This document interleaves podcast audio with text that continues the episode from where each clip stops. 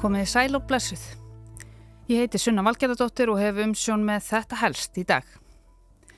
Samfélagsmiðlarnir okkar hafa átt það til að fyllast sum kvöld af mis, fallegum myndum af grænum, fjólubláum og jafnvel rauðum rákum af næturhimninum, norðurljósunum. Og auðvitað er það himinin sem fyllist af þeim og síðan fylgir internetið í kjölfarið. Þau eru nefnilega alltaf svo litið mögnuð. Norðurljósin eru eins og nafnið bendir til fyrirbæri tengd norðrinu og eru þar af leiðandi meira heillandi fyrir fólk sem ekki býr í norðrinu. Grasið grætna hinum einn og allt það. Þetta er eina aðal varan sem íslenska vetrarferðarþjónustan reynir að selja ferðamönnum til þess að lokka þá hingaða vetri til.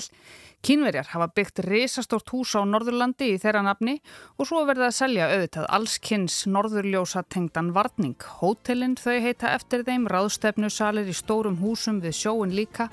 Það hefur verið orrt um norðurljósin og sungið um þau lög. Ég finna þitt hvað hefur færst úr stað ég engan hjartslátt eða hvað Takk, Eyvi, við heyrum meira í þér á eftir. En ég ætla í þessum þætti að styðjast við stjörnufræðivefin, fréttameðla, heimasýður, ferðarþjónustufyrirtækja og spila svo brot úr heimildatháttaröð sjómarpsins frá 2017 sem ber heitið Fjársjóður framtíðar. Þar var fylst með rannsóknum íslenskra vísindamanna á hinum og þessum fyrirbærum, eldgósum, kvölum, loftslagsbreytingum og norðurljósunum. Þar sem Jón Örn Guðbjartsson skoðaði rannsóknur af þeim en líka markaðsetninguna. Norðurljósin eru magna náttúrufyrirbreyði sem starstur hluti mannkins getur þó aldrei séð. Við Íslendingar njótum þeirra forritinda að hafa þau nánast sem höfusgraut á skílausum vetranóttum. Við skulum hefja leika á fræðilegum nótum og líta til sólar. Norðurljósin eru eins og lang flest annað í okkar veruleika tengt henni. Sólinn sendir meira frá sér heldur en ljós, hún sendir frá sér hlana ragnir út í geiminn. Allan sólar hingin allt árið um kring og, og stundum Ég koma frá henni gusur af svona hlöðnum ögnum sem við kallum þá sólgós og þegar þessar hlöðnu agnir lenda á segulsviði jarðar þá dragast þær eftir sviðslínunum og niður undir norður og söður segulpólana og þegar þær koma nægilega langt niður í andrúrslóftið þá geta þær örfað samindir í guðukólunum til að lýsa og það eru norðurljósin. Norðurljós eru algengust innan beltis sem kallast norðurljósa krægin eða norðurljósa beltið. Það er hægt að sjá norðurljós hvar sem er á Íslandi að því gefnu að norðurljósa beltið sé yfir landinu, heiminin heiðskýr og að úti sé myrkur. Eins og ávið um stjörnuskoðun er best að fara út fyrir ljósmengun borgar og bæja til þess að njóta norðurljósana í allri sinni dýrð. Þau sjást oftast sem slæður sem liðast eftir himninum, slæður sem geta verið hundrað og allt upp í nokkur þúsund kílómetra að lengt, en munþinri ekki nema nokkur hundruð metrar. Þau líta oftast út eins og langir mjóir ljósbogar eða stólpar sem liggja frá austri til vesturs á norðurluta heiminsins. Á öðrum stöðum liggja þau eins og bönd sem sveiplast eins og glukkatjöld á himninum. En það er að sjálfsögðu búið að greina norðurljósin niður í tegundir og þar eru kórónurnar hjapnan tilkomumestar. Í kórónu verðast norðurljósin eiga upptök sín í einum punkti beint fyrir ofanatúðanda sem sér geysla út frá honum í allar áttir. Kórónur eru jafnat kvikar og litríkar en einna sérkennilegust eru tefandi norðurljós sem sjást gjarnan í lok öflugra segulstorma. Þau eru yrjótt eða dröfnótt og verðast blika eða tefa Það er byrtast og hverfa á örfáum sekundum í stað þess að staldra við í lengri tíma eins og virk norðurljós. Og norðurljósinn þau eru auðvitað alls konar á litin eins og við vitum. Það fer allt eftir atómum og nitri og súrefni hvernig þau verða á litin en litinir eru háðir hæð ljósana yfir jörðinni. Græniliturinn sem er sá algengasti, hann þýðir að súrefnisatómin eru í 90-200 km hæð yfir jörðinni. Ef norðurljósin eru dökkrauð eru súrefnisatóm í meira en 200 km hæð. En ef þau eru skerrauð þá eru netur samindir í innan við 90 km hæð. Sum sé, dökkrauð, mjög hátt uppi, skerrauð, frekar látniðri. Og styrkur norðurljósana hann er mældur með svokölluðum KP-vísi frá 0 og upp í 9. Frá 0 og upp í 2 eru norðurljósin metin róleg. Tveir Það er skilgreint þannig að norðurljós séu sínileg og það er áberandi bjarmi í norðri. Þrýr, það þýðir órólegt og í fjórum erum við komin í virk og áberandi kvik norðurljós. Bleikir og fjólubláur litir fara sjást. Fimm, Rauðir og fjólubláir litir fara sjást með tilþrifamiklum og kvikum norðurljósa dansi. Sjö, mikil og litrík norðurljós, þetta er mikið sjónarspill.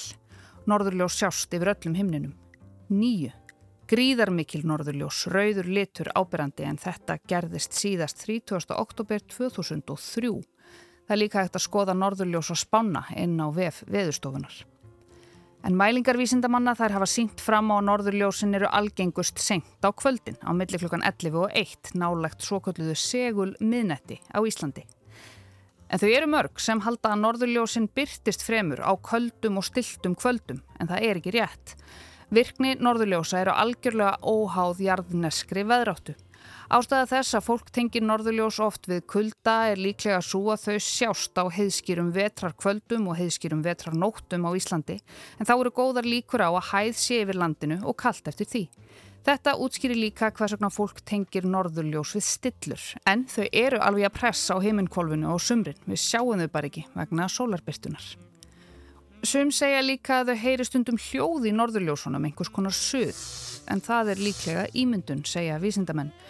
Norðurljósin eru í um það byrj 100 km hæð yfir jörðinni þar sem loftið er of þund til þess að hljóð geti borist til jarðar. En hvernig vitum við allt saman? Jú, að sjálfsögðu með rannsóknum. Þau hafa verið rannsökuð Norðurljósin á Íslandi í meirinn öll. Danir reistu rannsóknarstöð og höfða í eigafyrði í kringum aldamóti 1900 til þess að rannsaka þau en undan farin 40 ár akkurat síðan 1983 hafa aðtöðanir verið gerðar frá nokkrum stöðum frá Húsafelli, á Tjörnesi, á Ísafyrði og í Æði.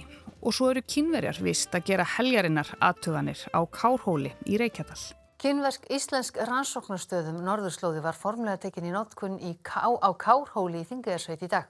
Þótt þar hafi verið stundað rannsóknir á Norðurljósum síðustu fimm ár. Ég rætti við Hallgrim Jónarsson sem er fórstöðum aður Rannís sem er einn af þeim sem leiðir þetta verkefni hér í dag. Það eru þegar byrjaðar rannsóknir sem tengjast Norðurljósum og svona þess sem gerist hérna upp í háloftunum takja búnaða til þess og svo vinsla byrjaði fyrir nokkrum árum og hefur verið í gang, gangi á meðan að húsi var í byggingu. Þetta var 2018. Verkefnið það var tölvert umdeilt en það ferlið frekar og gagsætt. Árið 2013 fyrir tíu árum var greint frá því að sveitarfélög og fyrirtæki á Norðurlandi höfðu gengið inn í kaupsamninga fyrirtækis Haldós Jóhanssonar talsmanns Wang Nubós nokkurs á Kárhóli. Kárhóll er ágættis jörði í Reykjadal nálagt laugum á Norð-Östurlandi. Fyrirtækið hafi keift jörðina árið áður á samt kínveskri heimskautastofnun en ekki staðið við greiðslur þau voru í vanskilum. En núna, bara 2023 í byrjun mars, byrti heimildin frétt um Kárhól. Fyrirsögnin, Kínverska ríkið setur 700 til 800 miljónir í rannsóknarmiðstöðum Norðurljósin og það er Ingi Freyr Vilhjálmsson bladamæður sem skrifar og fram kemur í fréttinni að Kínverjar fjármagni verkefnið alfarið í gegnum Norður skauta stopnun sína. Framkvæmdastjóri sjálfsegnastofnunar um miðstöðuna, Reinhard Reynisson, segir að hún hafi verið nótuð í verkefni þar sem Kína hafi ekki mátt eiga landið sjálft. En húsið sem stendur á Kárhóli það er 730 metrar á þremur hæðum sem byggt var á jörðinni til þess að hýsa rannsóknar búnaðinn. Og það er einnig íbúðarhús sem kínverskir vísindamenn sem hingað koma munu búa í þegar þeir heimsækja rannsóknarmiðstöðina. Tilgangur stöðvarinnar er að rannsaka norðurljósin, segir framkvæmdastjórin við heimildina, en stöðin eins og er, er ómönnuð en þarna er búnaður sem sapnar gögnum og tekur myndir í raun tíma um heiminkvolvin. Gögnunum er svo hlaðið niður á tölvubúnað og hann sendur í áfengum yfir netið til úrvinnslu hjá heimskautastofnuninni í Kína. Íslandingar og kynverjar eiga gögnin saman, segir hann, en ég bendi áhuga sömum á þessa grein í heimildinni síðan 7. mars síðastlinn. Mörg hundruð miljónir í þessa stopnun frá kynverjum segir í heimildinni það eru jú peningar í norðurljósunum og við þurfum ekki vera kynverskir vísindamenn til þess að vita það.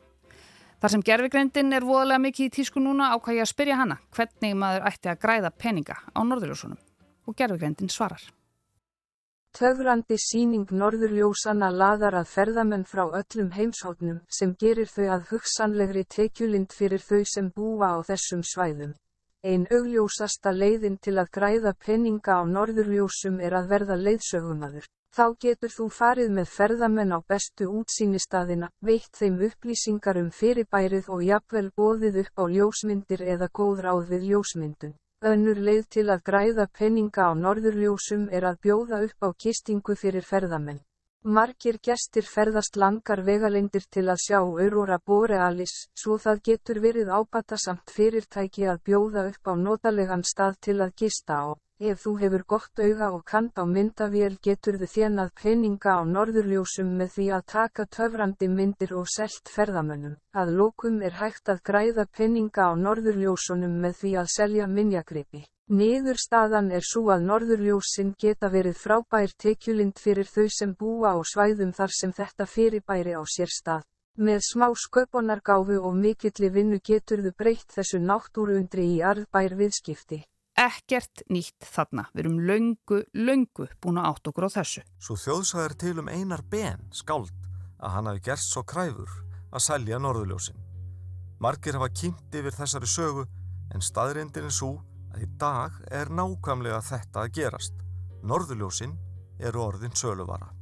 Ég held að máli sérin í þetta að það átt engin vonaði fyrir þremur árum að ferðarmenn myndi koma til Íslands með einhverju marki utan sumatímans og þess vegna voru menn svolítið sofandi yfir þessu. Að upplifa norðurljósin gengur svolítið mikið út á það að vera lengi í bíl að leita norðurljósunum og standa svo úti í myrkrinu og láta sér verða kallt og býða eftir að norðurljósin komi ef þau koma. Norðurljósasetrið í Reykjavík, Áróra Reykjavík, The Northern Lights Center, er staðsett út á Granda.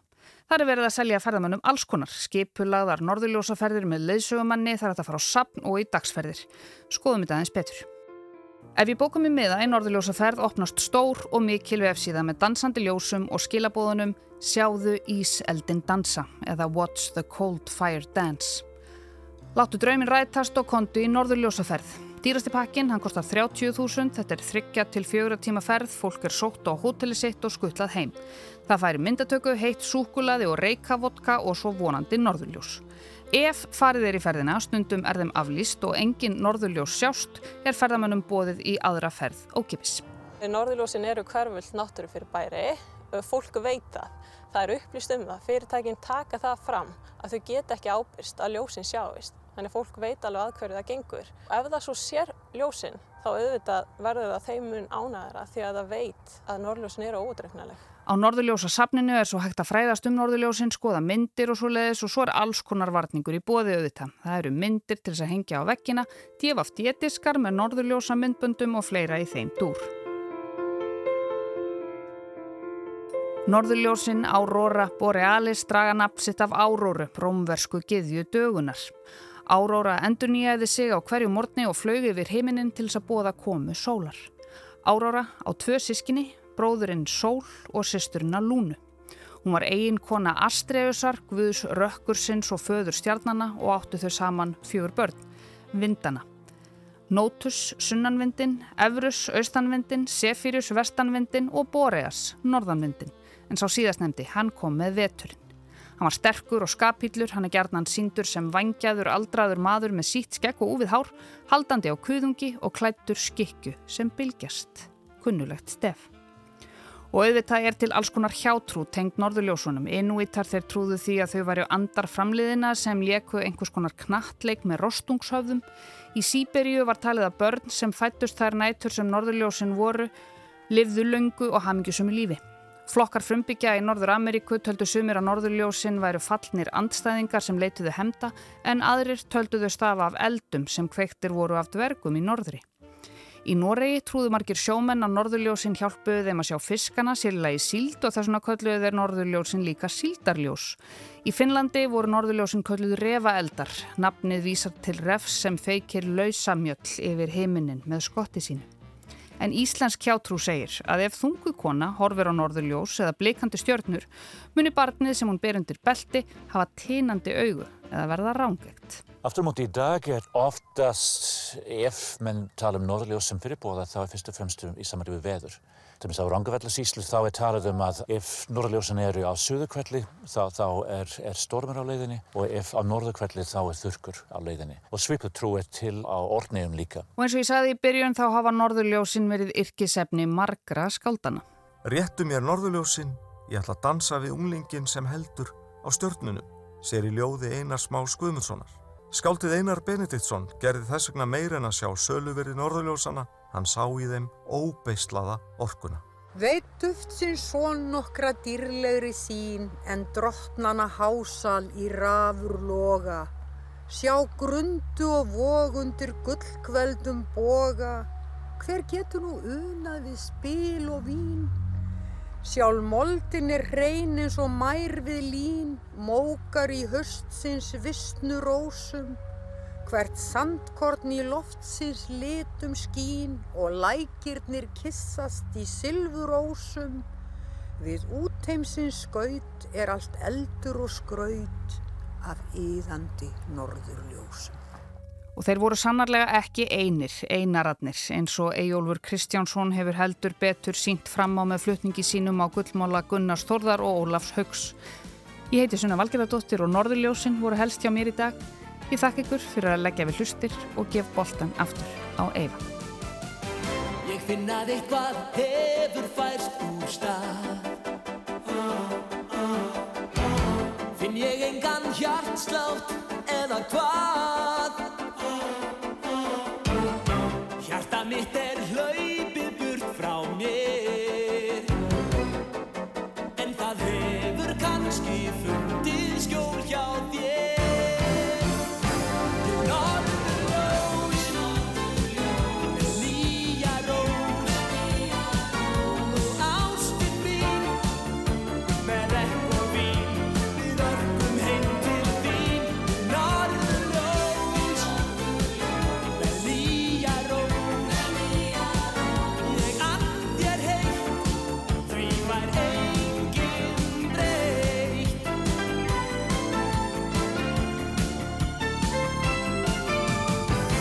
Satin